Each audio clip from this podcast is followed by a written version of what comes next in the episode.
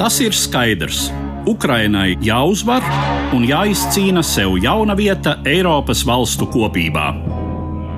Bet neatbildēts paliek jautājums, kas būs ar Krieviju?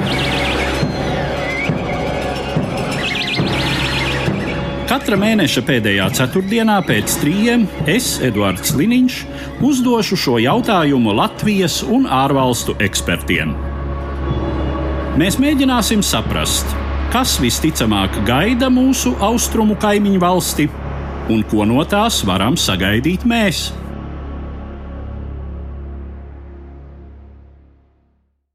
Labdien, cienījamie klausītāji!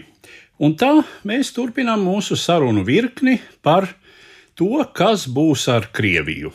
Šodien mans sarunbiedrs studijā - politologs un politiķis, Eiropas parlamenta deputāts Ivars Ijaps. Labdien! Labdien! Jautājums, ko es te jau vienmēr uzdodu, kā pirmo saviem sarunbiedriem, kādi ir Putina režīma galvenie noturības avoti, un līdz ar to varbūt mēs varam definēt arī tā vājos punktus. Nu, galvenie balsti nepārprotami ir tas, ka viņam ir izdevies izdedzināt pilnīgi visu opozīciju iekšā Krievijā un runāt par to, ka tur kaut kāda sacelšanās no apakšas varētu sākties vai kaut kas tamlīdzīgs. Es domāju, ka šobrīd nav nekāda pamata. Otra lieta ir tas, un tur, piedošana, arī mēs Eiropā esam pie vainas, ka šis režīms ir ekonomiski izrādījies noturīgāks nekā mēs to iedomājamies. Tā skaitā attiecībā uz to, ka visi naftas gāzes eksporti nav apstājušies, viņi vienkārši ir samazinājušies un aizgājuši lielā mērā uz Indiju, Ķīnu un citām valstīm. Bet tas, ka viņam joprojām plūs naudiņa, eh, par kuru viņš var finansēt šo cilvēku slepkavošanu Ukrajinā, tas diemžēl arī ir fakts. Es domāju, ka tie ir tie divi galvenie noturības iemesli. Savukārt, ja runā par eh, vājiem punktiem, es domāju, ka viņa paša lēmumu pieņemšana paliek aizvien haotiskāka un nesaprotamāka, eh, kā rezultātā es domāju, ka viņš pats kaut kādā mirklī var nonākt līdz ļoti nopietnām kļūdām. Piemēram, tas, kas ir noticis pēdējās dienās ar to Prigožinu un visām šīm lietām, nu, tas ne pa kādu beigo nu, režīma veiktspēju neliecina. Ne? Nu jā, tā tāda garo nažu nakts, vai ne? Jā, bet vienlaikus izliekoties, ka mēs tie neesam, ka tas ir bezmaz vai notikusi kaut kāda dabas katastrofa vai nejauša avārija. Vai ļaunie ukrāņi. Jā, jā, vai ļaunie ukrāņi vai ļaunie amerikāņi un tā tālāk. Tādā ziņā es domāju, ka, nu, man liekas, ka šis režīms pamatā rok kapu pats sev, nevis kāds rok viņam cits.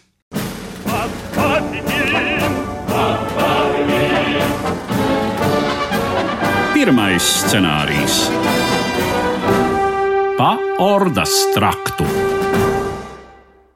Domājot par iespēju, ka šis režīms mums būs lemts, mums tā skaitā būs lemts uz eh, ilgāku laiku, vai kaut kas, ko mēs varētu definēt kā Ukraiņas uzvaru karā, vai režīmam Kremlī varētu izdoties tomēr saglabāties arī pēc kaut kā tāda kaut kādā mirklī mēs tomēr varētu arī nākotnē cerēt uz kaut kādām pārmaiņām pašā Krievijā, bet nu, tas nav tuvākā laika jautājums par to, vai tas ir Puķins vai tas kāds cits. Tas ir izšķiroši svarīgi, tāpēc ka jebkuram, kas nāks pēc Puķina, būs grozi kā grib, lai kāds viņš arī nebūtu, viņam būs kaut kāds kā saka, pārmaiņu potenciāls, jo ar viņu runās tomēr rietumos savādāk nekā ar cilvēku, kurš ir šo karu sācis. Cits jautājums, ka rietumos, protams, ir daudz tādi, kas gaida to mirkli, kad varēs atgriezties pie biznesa as usual.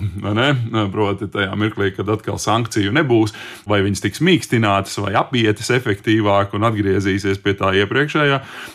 Nu, es domāju, ka Krievija ir parādījusi pie pašreizējās iekārtas, uz ko tā ir spējīga un šādiem centieniem normalizēt attiecības ar Krieviju un atgriezties pie tās pašas atkarības no Krieviem, kāda tā bija piemēram līdz šim pašam gadam, būtu pilnīgi nepareizi. Es atsaukšos uz Es viņu tik savulaik uz Rīgu atvedis, ir tāds Steve's Kotkins, kurš ir viens no vadošajiem Krievijas ekspertiem Amerikā. Viņš runā par sešiem iespējamiem scenārijiem, kas varētu notikt. Un tas tā, lai strukturētu to domu, manuprāt, ir ļoti saprotami. Nu, no pozitīvākā līdz negatīvākajam. Pozitīvākais ir tas, ka Krievija ilgākā laika termiņā pārvēršas par kaut ko līdzīgu Francijai. Nu, mēs atceramies, ka Francija arī 19. gadsimtā bija visādi iekarošanas, kā arī revolūcijas, apvērsumi, masu slepkavības un tā tālāk, bet nu, kaut kā ar laiku tas nostabilizējās un Francija nu, izveidojās par tādu mazliet saudabīgu, bet nu, tomēr daudz maz pieskaitām Eiropas valsti. Tas ir tas optimistiskais. Otrais scenārijs ir tas, ka ir kaut kāds autoritārisms, bet tāds, kurš nav vairs agresīvs uz ārpusi. Nu, to arī varētu iedomāties, ka kaut kas tāds notiek. Frankos Spānija. Jā, piemēram, vai ne? Trešais eh, ir eh, tas, kā Krievija kļūst vienkārši par Ķīnas vasali. Ceturtais ir tas, ka Krievija kļūst par Ziemeļkoreju, proti, absolūti izolacionistiska, absolūti militarizēta, absolūti nepieskaitāma valsts ar milzīgām ambīcijām. Piektais ir nu, juku laiki, kārtējā smutā, vai ne? Kā jau Krievijā tas ir ierasts. Un sestais scenārijs ir tas, tas ir tas kaut kas, ko mēs nezinām. tas ir tas, ka nu, ir kaut kāds scenārijs, kurš ir iespējams, bet par kuru mēs vienkārši šobrīd nevaram iedomāties. Jo Krieviju ar prātu nesaprast. Tieši tā, tieši tā. Un kaut kur šis trijūks var traukties pēkšņi mums neparedzējumā virzienā. Jā, nu mums šai sarunā ir trīs pamats scenāriji, un eh, runājot joprojām par šo pirmo scenāriju un to, ka Krievija kļūst par Ķīnas vasali, cik rietumos ir gatavi tādam vairāk vai mazāk augstā kara uh, numur divi scenārijam, kur uh, Krievija tiešām ir Ķīnas klientu valsts. Ķīnas ietekmes un, zināmā mērā, draudu turpinājums šeit, Eiropas telpā. Tas ir milzīgi plašs jautājums. Šobrīd globālās politikas jautājums numur viens. Proti, Ķīna, atšķirībā no Krievijas, ir augšupējošs spēks. Ja tu paraugies uz Krieviju, tad viņi, protams, ir absolūti nepieskaitāmi, slepkaunieciski, autoritāri un bīstami, bet viņas kopumā nozīme starptautiskajā politikā samazinās, nevis pieaug. Turpretī Ķīna ir cits stāsts, un tur, nu, diemžēl, Ķīnai uh, ir iespēja arī sašķelt rietumus, jo mēs redzam, ka amerikāņi ir diezgan skaidri pateikuši, ka mēs ejam uz vienu diezgan lielu konfrontāciju ar ķīniešiem ekonomiski bet arī iespējams militāri, nu, tur Taivāna un tā tālāk. Kur Eiropā, protams, ir balss, kas saka, nē, nē, nu, ķīnieši ir draugi, vai nē, nu, ar, ar ķīniešiem ir jātirgojās, gal galā viņi nav tik briesmīgi. Tur, starp citu, nu, Vācija tādā ziņā ir patiešām bijusi pēdējos 15 gados viens no ļoti slikts piemērs. Viņa ir ne tikai kļuvusi atkarīga no viena enerģijas piegādātāja, proti, Krievijas. Nu, tagad viņi to labo, bet, nu, principā, vai ne? Bet viņa ir kļuvusi atkarīga arī no viena viņu importa patērētāja, kas ir Ķīna. Jo Vācijas ekonomika bez iespējas eksportēt savus mantus uz Ķīnu izskatītos krietni bēdīgāk. Līdz ar to rietumiem ir svarīgi palikt vienotiem, un to es arī jūtu savā darbā Eiropas parlamentā, kur par Krieviju šobrīd izņemot kaut kādus galīgi, es atvainojos, nepieskaitāmus deputātus, tā kā Tatjana Kaģevna no Latvijas, kuru nav daudz, pārējiem nekādu beigo ilūziju par Krieviju vairs nav. Par Ķīnu ir krietni vairāk cilvēkiem ilūzija. Bet vai šādā gadījumā Eiropa būtu gatava daudz nozīmīgāk kāpināt savu militāru strateģisko autonomiju, rēķinoties ar to, ka Savienotās valstis nākotnē varētu būt daudz vairāk nodarbinātas um, un to resursi varētu būt daudz vairāk saistīti klusā okeāna basēnā, un Eiropai būtu jākļūst par to spēku, kas līdzsvaro Krieviju šeit? Skaidrs, ka pēdējos gados 30 tā militāra strateģiskā domāšana daudzās Eiropas valstīs ir pilnīgi atrofējusies. Un par to jau liecina tie skaitļi, cik daudz dažas Eiropas valstis arī šodien tērē aizsardzībai. Ja mēs ejam uz 3,5% vai kaut ko tamlīdzīgu, tad tur ir vesela virkne valstīm, kas ir ļoti tālu no tiem pašiem diviem, jo viņiem apkārt lielākoties ir citas daudz maz draudzīgas NATO un Eiropas Savienības valstis, un viņiem negribās un tā tālāk. Un tā tālāk. Viena no atslēgas lietām ir militārā industrija, jo arī amerikāņi saka, ka nu, ir iespējams situācijas, kurās eh, sākoties kaut kādai krīzei, mēs nevarēsim tīri fiziski nodrošināt jūs ar visu nepieciešamo, piemēram, ar tiem 1,55 artērijas lādiņiem, kas ir šobrīd vajadzīgi. Tā kā, dārgie draugi, kaut ko ražojiet paši uz vietas.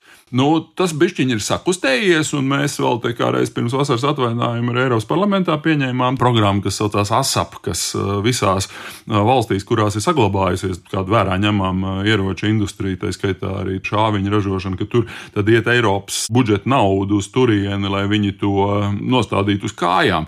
Bet tādā ekonomiskā līmenī tas ir sācis kustēties. Tādā strateģiskās domāšanas līmenī tur ir vēl ļoti daudz kam jāmainās. Jo, nu, kā saka, kopš pagājušā gada februāra Ukraiņas tēma, protams, ir aktuāla, bet ļoti daudziem viņi ir bišķiņi pagājusi tādā otrajā plānā, un kaut kas tur notiek, kaut kāds karš, bet mums ir kaut kādas savas, tur visādas tur ekoloģiski, sociālas, visādas kaut kādas sīkas lietiņas. Ja? Protams, mūsu uzdevums ir atgādināt, ka tas tā nav, ka tas, kas notiek Ukrainā, ir Eiropas Savienībai eksistenciāli svarīgi. Par industriju jāsaka, ka šobrīd ir diezgan pagrūti iedomāties, kā mēs varētu aizstāt pilnībā amerikāņus, jo amerikāņi ļoti daudzas lietas dara pavisam citos apjomos. Piemēram, ja mēs braukāmies uz kaujas lidmašīnām, tad kaujas lidmašīnas, protams, ražo arī Zviedru. Bet, ja tu salīdzini tos apjomus ar tiem pašiem F-16, kuri tagad, paldies Dievam, būs arī Ukrāņiem, principā tas ir piliens okeānā. Tā kā nu, pie tā arī jāstrādā, bet tuvākā laikā tā ideja ideja, ka mēs tagad aiziesim pilnībā prom no amerikāņiem, es domāju, nav produktīva.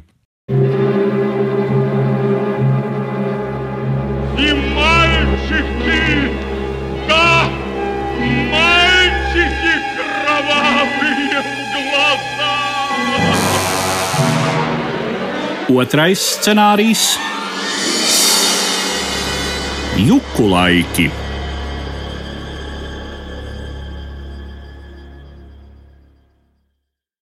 Runājot par iespējamo scenāriju, ka tiešām juku laiki, tas džins ir izlaists no pudeles. Nu jau šai fantoma statusā ir pārgājis arī Jevģīnijas Prigožins, beidzis savu dzīvi līdz ar zināmo Vāgneru, virsnieku Utkinu. Fiziski viņu vairs nav, bet uh, droši vien jāsaka, idejas dzīvo un uzvar. Iespējams, nopietna iekšēja, tā skaitā bruņota konflikta attīstīšanās Krievijā, karš, kurā dažādi spēki ar ieročiem rokās mēģina tikt varas virsotnē, vai iespējams arī kaut kur reģionos kārtot attiecības.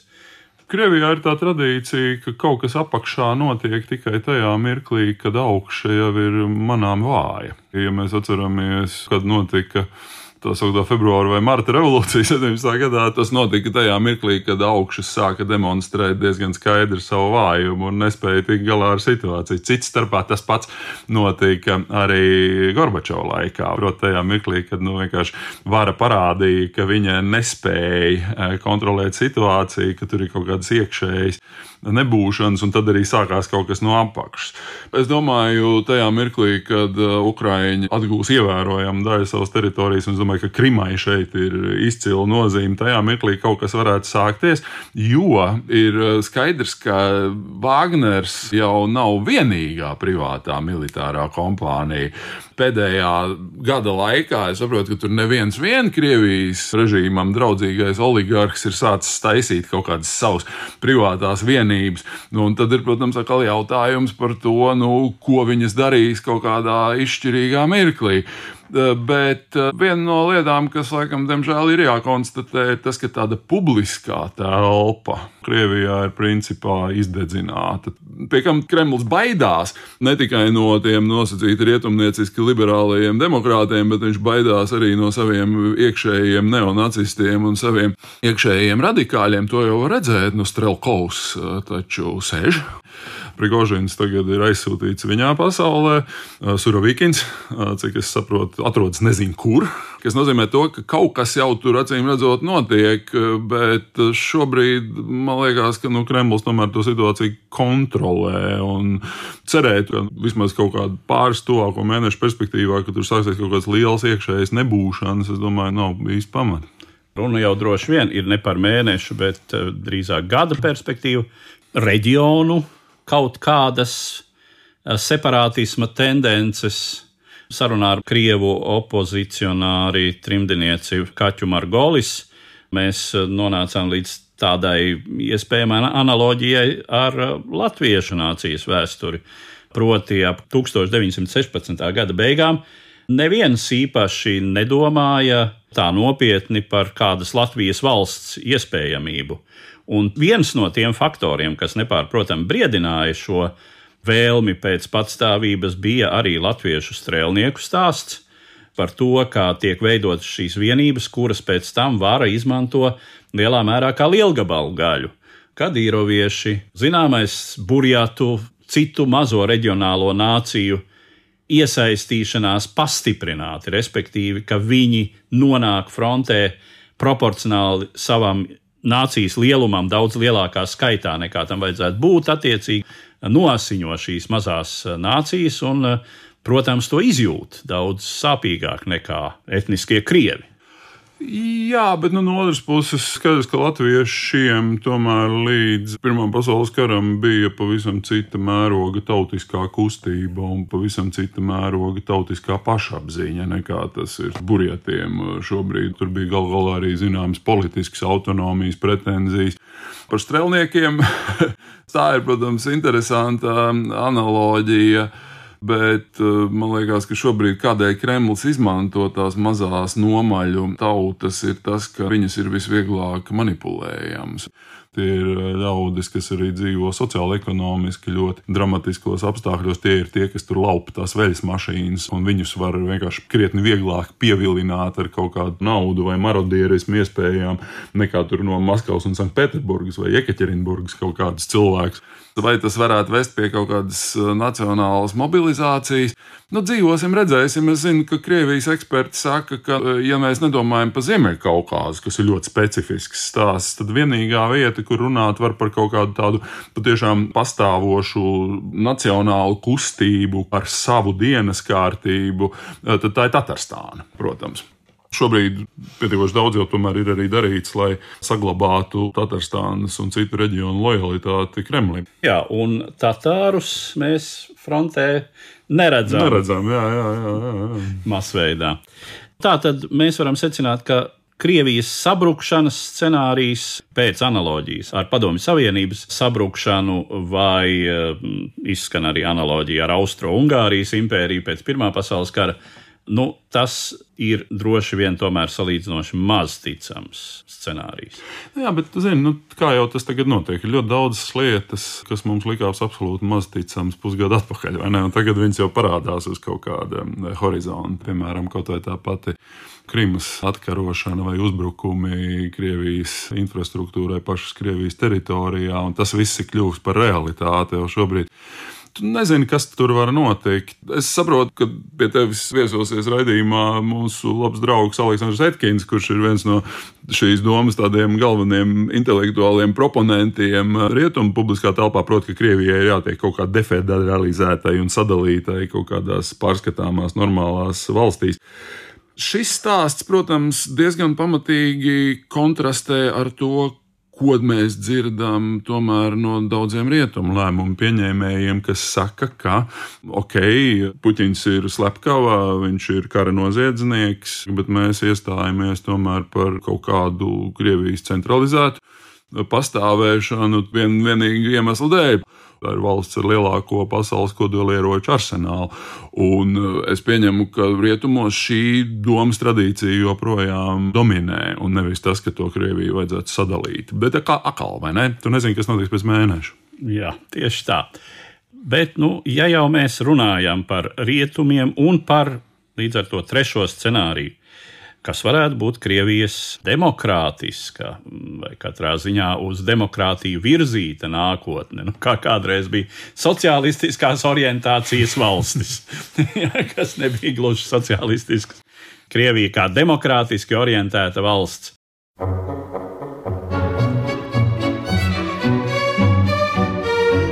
Trešais scenārijs - Oda priekam par Gulbju ezeru.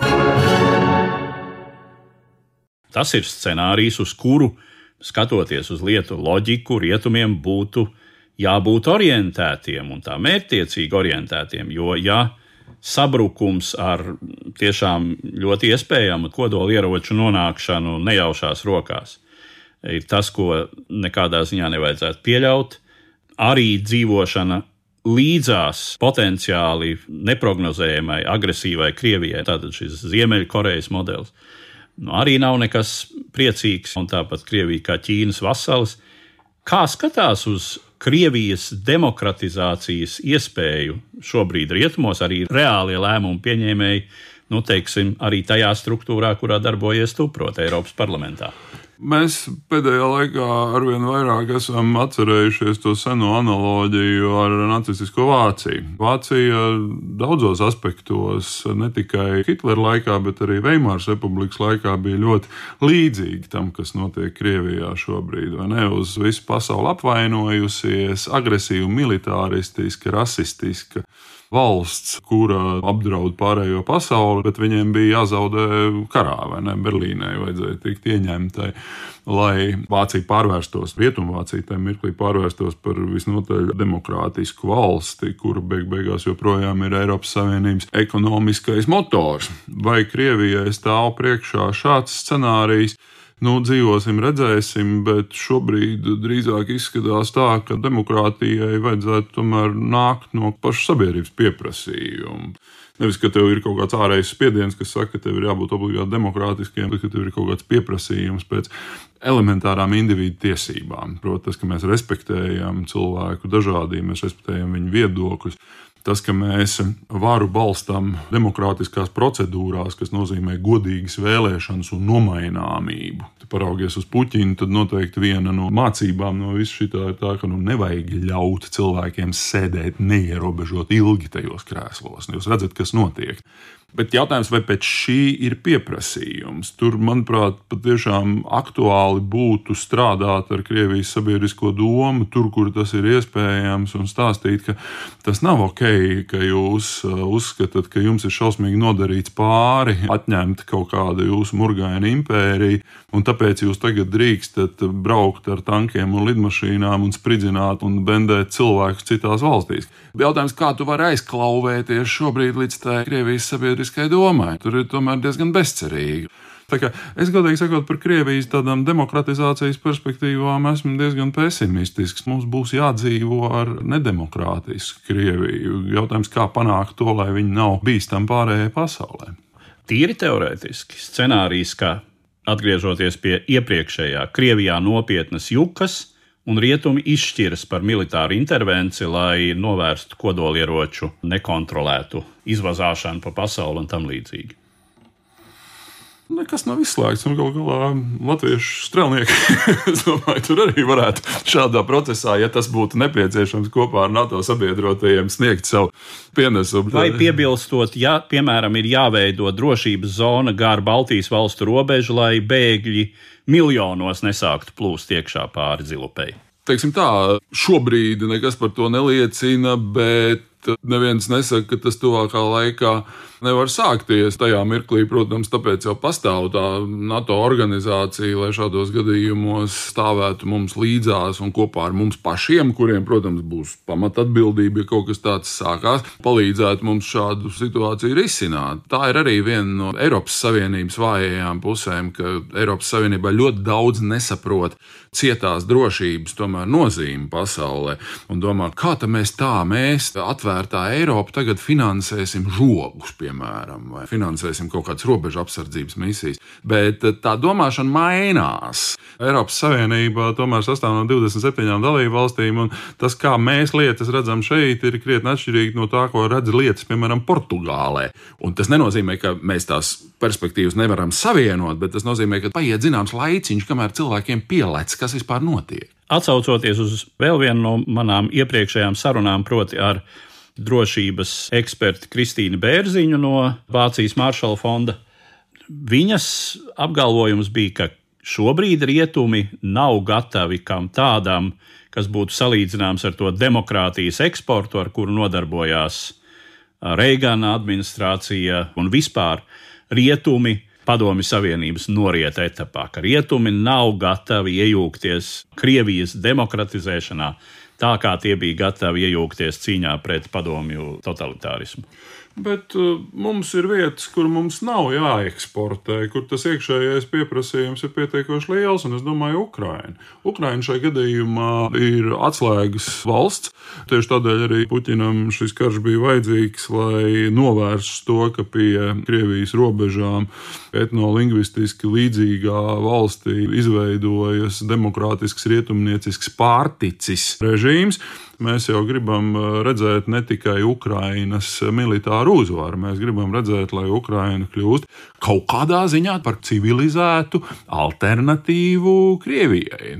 Tāpat liela, tāpat slāvu un tā tālāk. Un tā tālāk bet tomēr demokrātiska, pieskaitām tiesiska, pasaules ekonomikā un politikā integrēta valsts, kura var parādīt to, ka nu, nav tajā reģionā viss tik bezcerīgi. Krievijas demokratizācija šobrīd droši vien tiešām nav pirmais prioritāšu sarakstā, bet uh, Ukraina gan ir. Jo nu, mums ir jādomā par to, ka Ukrainai ir ne tikai jāuzvar karā, bet arī jāuzvar mierā pēc tam. Ukrainas uzplaukums, kaut kāds māršala plāns Ukrainai nodrošinot tās tuvināšanos Eiropai arī dzen, pārticības un sociālās dzīves sakārtotības ziņā, droši vien ir perspektīvākais Krievijas demokratizācijas scenārijs. Vienīgi, nu, protams, ar to, ka mēs gribētu šajā maršala plānā izmantot primāri ne tikai Eiropas nodokļu maksātāju līdzekļus, bet pašas Krievijas iesaldētos un citu veidu aktīvus. Beig beigās tam, kurš ir nodarījis šo kaitējumu un uzsācis šo agresiju, tam arī vajadzētu samaksāt. Tādā ziņā es domāju, ka tas ir viens interesants arī juridiski politisks jautājums, kā mēs redzam Ukrainas atgūšanos pēc kara tīri ekonomiski un kāda loma tur ir Krievijas reparācijām. Domājot par šiem trīs mūsu šeit piesauktajiem scenārijiem, tavuprāt, kurš no tiem ir ticamāks, vai arī, teiksim, kāda šo scenāriju īstenošanās secība varētu būt ticama? Un, ja es lūgtu tev mazliet raksturot no tavas pieredzes, kā par šādu scenāriju iespējamību domā tavā darba vietā Eiropas parlamentā? Ja domā par iespējamiem scenārijiem, tad ir jautājums, ko mēs vēlētos redzēt un ko mēs varam sagaidīt, izējot no tās informācijas, kas ir mūsu rīcībā. Uh, Protams, ka mēs vēlētos redzēt kaut kādu režīmu nomaiņu uz demokrātiskāku, neagresīvu, uz rietumiem, tomēr vairāk vai mazāk pozitīvi orientētu Krieviju, bet tas realisms, protams, liek mums domāt kaut ko citu. Es domāju, ka šobrīd, protams, mums ir jārēķinās, diemžēl, ar sliktāko. Tajā nozīmē, ka nu, Krievijā būs jāsavalda un jāieliek rāmjos tīri militāri un tīri ekonomiski. Vai tas ir Puķins, vai tas ir kāds cits, nu, iedomāties, ka nākamais Krievijas valdītājs automātiski būs kaut kā labāks. Arī nav nekāda pamata. Nu, ir jārēķinās ar sliktāko, un tā arī ir tā pamata sajūta, kurai, manuprāt, būtu jāvalda arī Eiropas institūcijās. Mēs, protams, varam cerēt uz ļoti daudzām pozitīvām lietām, uz to, ka būs kaut kādi juku laiki, kur rezultātā būs jauns ieļcins un būs atkal kaut kāds demokrātisks varas periods. Bet uh, ar šādu stratēģiju mēs īpaši tālu netiksim, ņemot vērā to, kas šobrīd notiek Krievijā, jo režīma konsolidācija tur notiek. Tur mēs neredzam principā nekādas iekšēja protesta pazīmes, izņemot dažus individus. Krievijas sabiedrība to joprojām akceptē. Viņi akceptē gan to, ka viņu valsts īsteno asiņainu agresiju, gan to, ka viņu pašu dzīves līmenis krītas. Lielākā daļa cilvēku ir pilnīgi ok. Viņi eh, tur savā starpā varbūt bišķiņķi šad un tad pasirdījies par to, bet nekādās praktiskās darbībās tas neizpaužas. Tas nozīmē to, ka šī valsts principā tiek gatavota tālākam karam un tālākai agresijai. Rietumiem ir gluži vienkārši jābūt tam gatavam. Un tas ir tas maģistrālais scenārijs, uz kuru mums ir jāraugās, neizslēdzot to, ka var notikt arī brīnumi. Brīnumiem, protams, var ticēt, bet jāgatavojas sliktākajam scenārijam. Ar tādu secinājumu tad es arī noslēdzu mūsu šodienas sarunu par to, kas būs ar Krieviju, un saku paldies manam sarunbiedram, politologam un politiķim, Eiropas parlamenta deputātam Ivaram Iebam. Jā, paldies tev, paldies klausītājiem! Kas būs ar Krieviju? Neizbēgamie jautājumi un iespējamās atbildes par mūsu austrumu kaimiņu valsts nākotni. Katra mēneša pēdējā ceturtdienā pēc trījiem Latvijas Radio 1.